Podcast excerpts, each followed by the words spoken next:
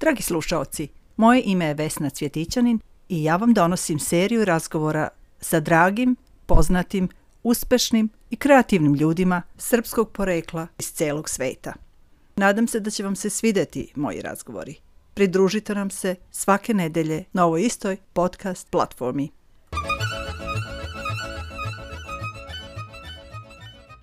Dragi slušalci, večeras je u našem studiju Tamara Hawking, prevodilac i dugogodišnji stanovnik Kambere. Mnogi od vas su verovatno imali priliku da se upoznaju sa Tamarom, da pitaju za njene usluge, da je pitaju za pomoć kada im je najviše trebalo prevođenje. E tako sam je u stvari ja upoznala, jako, jako davno, pre 26 godina, neke 1993. Zdravo Tamara. Dobar dan. Kako si? Vrlo dobro, hvala na pozivu da učestvujem u ovoj emisiji. Ovo je moj, moje prvo pojavljivanje na radio talasima i drago mi je da mogu da podelim svoje iskustvo sa vama i sa svim slušalcima. Tamara, reci nam malo, prvo malo o sebi, molim te. Odakle dolaziš, možda porodici, roditeljima, gde si odrasla? Ja sam rođena u Subotici ali sa osam meseci se moja porodica preselila u Novi Sad. Moj otac je dobio premeštaj u Novi Sad, tako da se ja osjećam i uvek se vodim kao novosađanka. Mada imam vrlo lepe uspomene iz Subotice, jer se sećam naših e, letovanja na Paliću. I vrlo sam sentimentalno uvek raspoložena kada se povede razgovor o Subotici, ali sam ja zapravo novosađanka. Tu Ako sam... je mogu da primetim, nema ni malo od subotičkog naglaska, sve je novosadski. Sve je novosadski, jeste. Ponosna sam na to. U Novom Sadu sam odrasla, tu sam isla, išla u školu, u Žarko Zrenjanin školu u centru grada i većina mojih prijatelja i sadašnjih je još uvek iz tog vremena. Veoma sam sretna zbog toga jer smo uspeli svih ovih decenija da održimo, da održimo vezu. Imala sam tako jedno uobičajeno vaspitanje i, i odrastanje u gradu sa, sa decom, sa koji su otprilike u istim porodičnim uslovima živeli. Zajedno smo išli u školu, zajedno smo delile sve, sva iskustva i škole i bilo nam je u suštini lepo. Bil, imali smo veoma pionirski nastrojen način od, odgajanja i jedni na druge smo se u znatnoj meri oslanjali. Prijateljstvo je bilo veoma važno. Znači ta prijateljstva i dalje traju? Ta prijateljstva i dalje traju. To je divno. Jeste. Imam brata koji je 13 meseci stariji od mene. Mi smo često slavili rođendane i novogodišnje proslave zajedno sa mešanim društvom i neke su se čak veze u to vreme već uspostavile i završile brakovima. Jedan od ključnih momenata u mom životu dok sam odrastala i dok sam u vreme puberteta – tinejdžerskim godinama je bio odlazak na radnu akciju. Ja sam to u svojoj glavi imala zacrtano i ja sam znala da će se to kad tad ostvariti. Za to se pokazao pravi moment tokom trećeg razreda gimnazije. Ja sam htela na određeno mesto da odem, to je bila radna akcija Sava u blizini Zagreba gde su se gradili nasipi na, na reci Sava i uspela sam da povučem sa sobom e, dve vrlo bliske prijateljice i nas tri smo otišle na Savu i tamo provele provele divni četiri nedelje družeći su poznajući omladinu iz čitave Jugoslavije. Sada bi Tamara bilo lepo da nam kažeš o tvojim studijama ako bi mogla, jer je to vezano za tvoj profesionalni rad u Australiji i na neki način a, imalo je veze sa tvojom odlukom da dođeš u Australiju. Pa da čujemo malo o tome, molim te. Kako da ne. Ja sam se već u 11. 12. godini počela baviti mišu da studiram jezike i, ili književnost. I nije bilo nikakve dileme, samo me trebalo odlučiti koje jezike, za koje jezike da se odlučim. Pošto sam u vrlo ranom uzrastu počela da učim engleski jezik, već u 12. 13. godini ja sam znala da, to, da je to jezik koji želim da, da studiram. Uh, E, nije bilo problema u ulasku na, na fakultet i zapravo moje studijske te četiri godine su bile najbolje, rekla bih, u svojoj mladosti. Puno sam čitala, puno sam se družila, studirala i to je bio najbogatiji e, period mog života.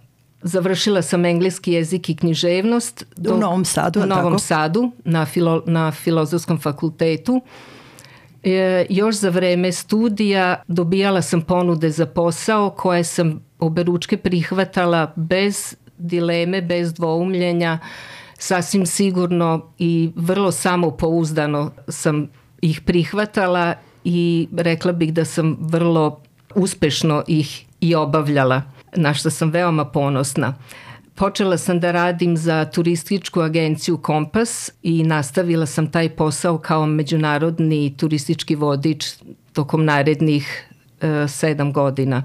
Osim toga sam dobila ponudu da radim kao inokorespondent u velikoj firmi Produktivi koja se bavila uvozom i izvozom prehrambenih proizvoda. Usput sam radila i na, u Centru za podučavanje stranih jezika kao i u školi, u osnovnoj školi. Tako da sam imala, stekla iskustvo na tri različite oblasti koje su me sve na svoj način veoma obogatile iskustvom i znanjem.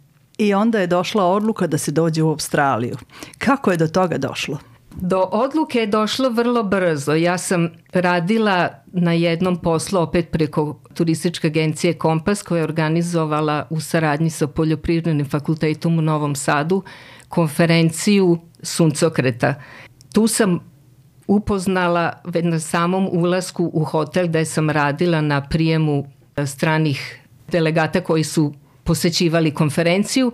Tu sam upoznala Pitera Hawkinga koji je posle postao moj muž. Mi smo se zaljubili i bili smo u vezi putem telefona i dopisivanja svake nedelje, barem jedno pismo smo razmenjali i ja sam veoma brzo se odlučila da želim da, da dođem u Australiju, da budem sa Peterom. Naravno, Peter je bio iz Australije, ali tako, Peter iz Kambere. Peter je bio iz Australije, iz Južne Australije, ali je u to vreme već mhm. radio za uh, eh, CSIRO u, u Kamberi. Tako da sam ja preko njega naučila vrlo mnogo o Kamberi.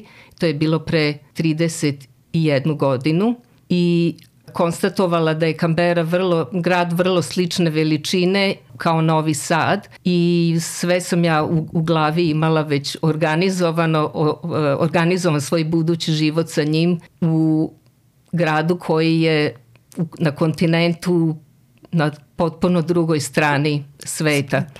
Moji roditelji su, bez da sam im rekla jednom reču da ću da odem iz Jugoslavije, to u potpunosti primili, bilo im je jasno od prvog momenta i nikada nisu ni jednom reči pokušali da me zaustave i da me zadrže u, u Jugoslaviji. Bilo je sasvim jasno da je moje srce prešlo sve Okean. kontinente i okeane i, i našlo se u, u Australiji.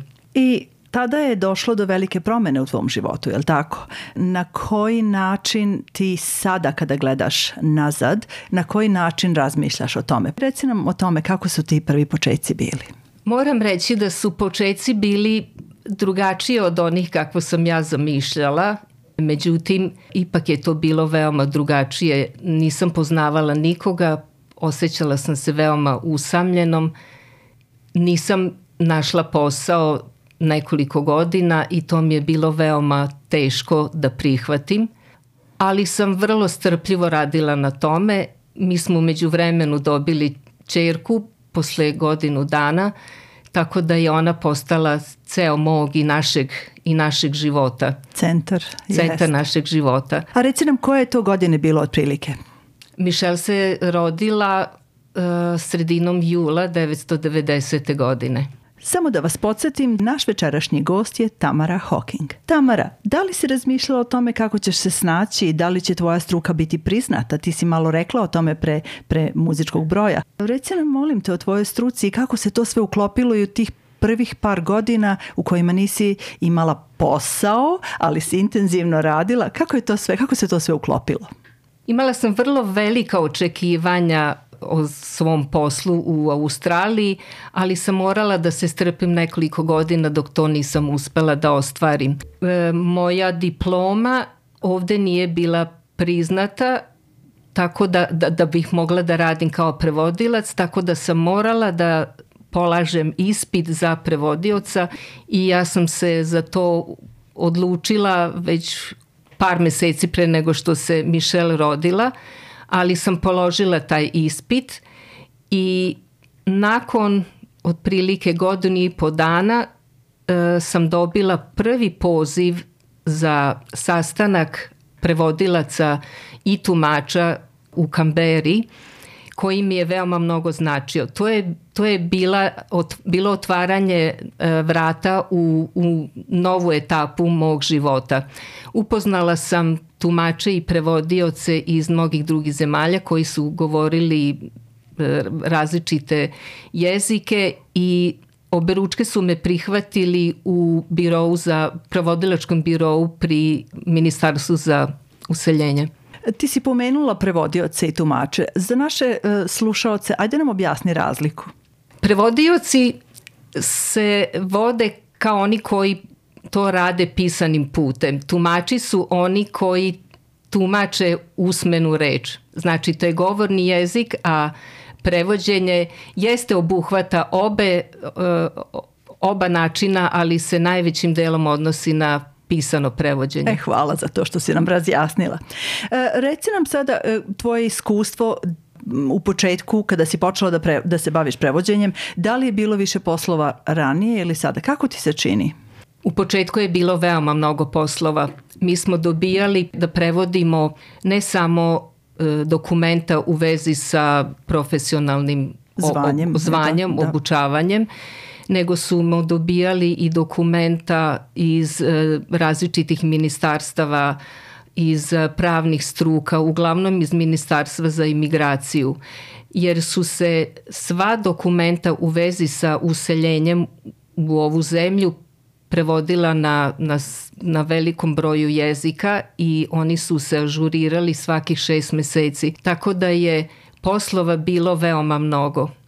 A to je bio i taj burni period, ulazili smo u taj period gde, kada se u, u našoj zemlji vodio rat, kada je bilo, kada su dolazili naleti izbeglica iz tih krajeva, iz svih različitih krajeva tadašnje zemlje. Kada si imala, kako si imala najveći osjećaj, kada si imala najveću potrebu a, i ti lično, a i a, od onih koji su tebe, tebi dolazili i pitali za usluge a, da pomogneš našem narodu? Ka, kada je to bilo otprilike? Koji je to bio period? To je bio period od 1992. treće do 1997. Bilo je veoma mnogo doseljenika u Australiju, ljudi koji su bežali iz, sa područja bivše Jugoslavije u različitim kategorijama. Bilo je mnogo pravnih dokumenta da se prevodi izvode iz matičnih knjiga rođenih, venčanih, umrlih. Bilo je veoma mnogo obrazovnih dokumenta, uglavnom obrazovnih,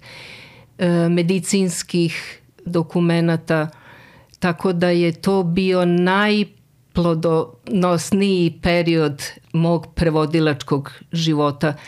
Nažalost, 97. godine taj prevodilački biro unutar imigracionog departmana se preselio u Sidnej, gde je opet veoma veliki odabir prevodilaca i tumača postojao, tako da smo mi u velikoj meri izgubili poslove u Kamberi. U Kamberi. Da da, da. da. To je bila velika promena, to je bilo sa, sa tom um, promenom u ministarstvima na uh, federalnom nivou. To je bilo interesantno. Uh, da li bi želao da nam kažeš nešto, uh, koja bi tvoja poruka bila mladima koji bi, se, koji bi recimo želeli da se opredele da vode ovaj posao ili, ili da se bave prevođenjem? Ja se nikad nisam predomislila niti raz, razočarala svojom strukom i izborom svoje profesije. Verovatno da se vratim u svoj prvobitni život bih isto to odabrala i od, kao svoju struku.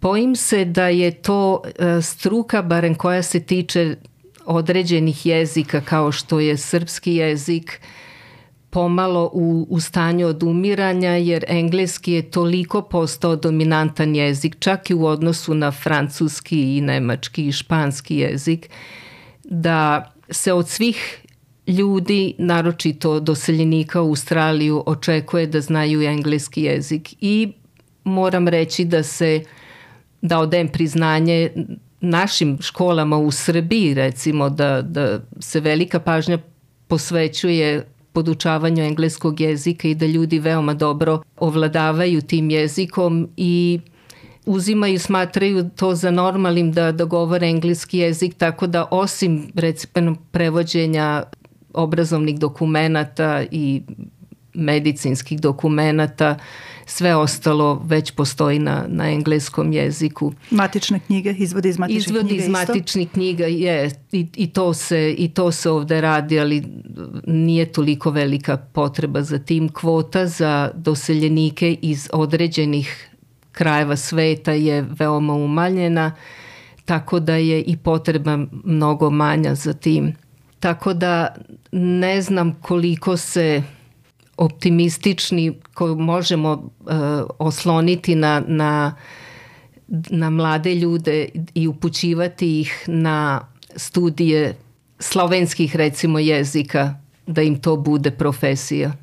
Vrlo interesantno čuti da ljudi, ja sam baš juče čula na vestima i gledala sam a, jednu emisiju o tome. Ljudi u Kini, mladi ljudi u Kini se opredeljuju da uče srpski jezik. To je toliko fascinantno za mene. I čula sam intervjue, sa, mislim razgovore sa mladim ljudima kinezima koji govore srpski vrlo lepo.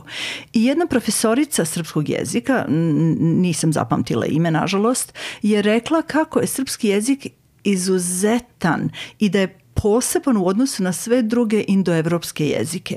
E, u pripremi za našu emisiju nismo zaista se osvrnuli na tu, e, na tu stranu. A da li bih htjela da prokomentarišeš nešto u vezi toga, e, u vezi kako se ti osjećaš u vezi činjenice da engleski na neki način preovladava i počinje da u stvari na neki način umanjuje značaj drugih jezika, pa i srpskog.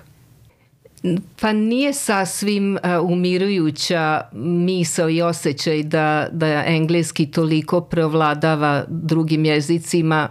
Mnoge engleske reči su našle tokom godina put u sve jezike, pa tako i u slovenske jezike i u srpski jezik. Kada sam govorila o profesiji, pr prevodilačkoj profesiji, mislila sam pre svega u Australiji. Uh, Naravno da u Srbiji iz koje sam se nedavno vratila uh, sa godišnjeg odmora i dalje se svi jezici studiraju i poznata mi je činjenica da recimo kinezi vrlo dobro, vrlo brzo, veoma solidno ovladavaju srpskim jezikom. Čak sam upoznala mnoge i čula za mnoge mlade ljude koji podučavaju engleski jezik putem Skype-a online – što je veoma ohrabrujuća vest. Prema tome podučavaju engleski. Podučavaju engleski u drugim zemljama. To sve ide online. A naši ljudi, naši A naši mladi. su ljudi, naši su mladi ljudi.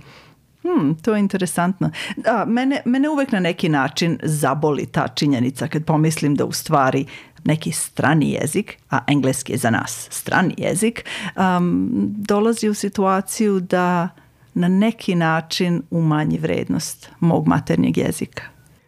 Mislim da se neće e, u potpunosti umanjiti vrednost našeg jezika. Mi ne smemo to da dozvolimo da se desi, iako sam u potpunosti svesna da se mnogi jezici na, na različiti kontinentima gase i, i gube, da ne govorim o tome koliko aboriđanskih jezika u ovoj Jeste. zemlji se gase.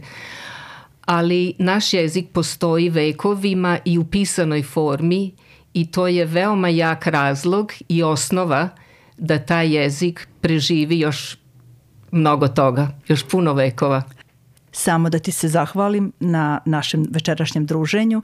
Želim ti sve najbolje u tvom profesionalnom i privatnom životu. Hvala ti što si posvetila vreme nama i našim slušaocima i nadam se da ćemo se opet čuti jednog dana. Hvala Vesna na pozivu, bilo mi je veoma drago i nadam se i sasvim sam sigurna da ćemo ponovo razmeniti tvoje misli i osjećanje. Hvala ti.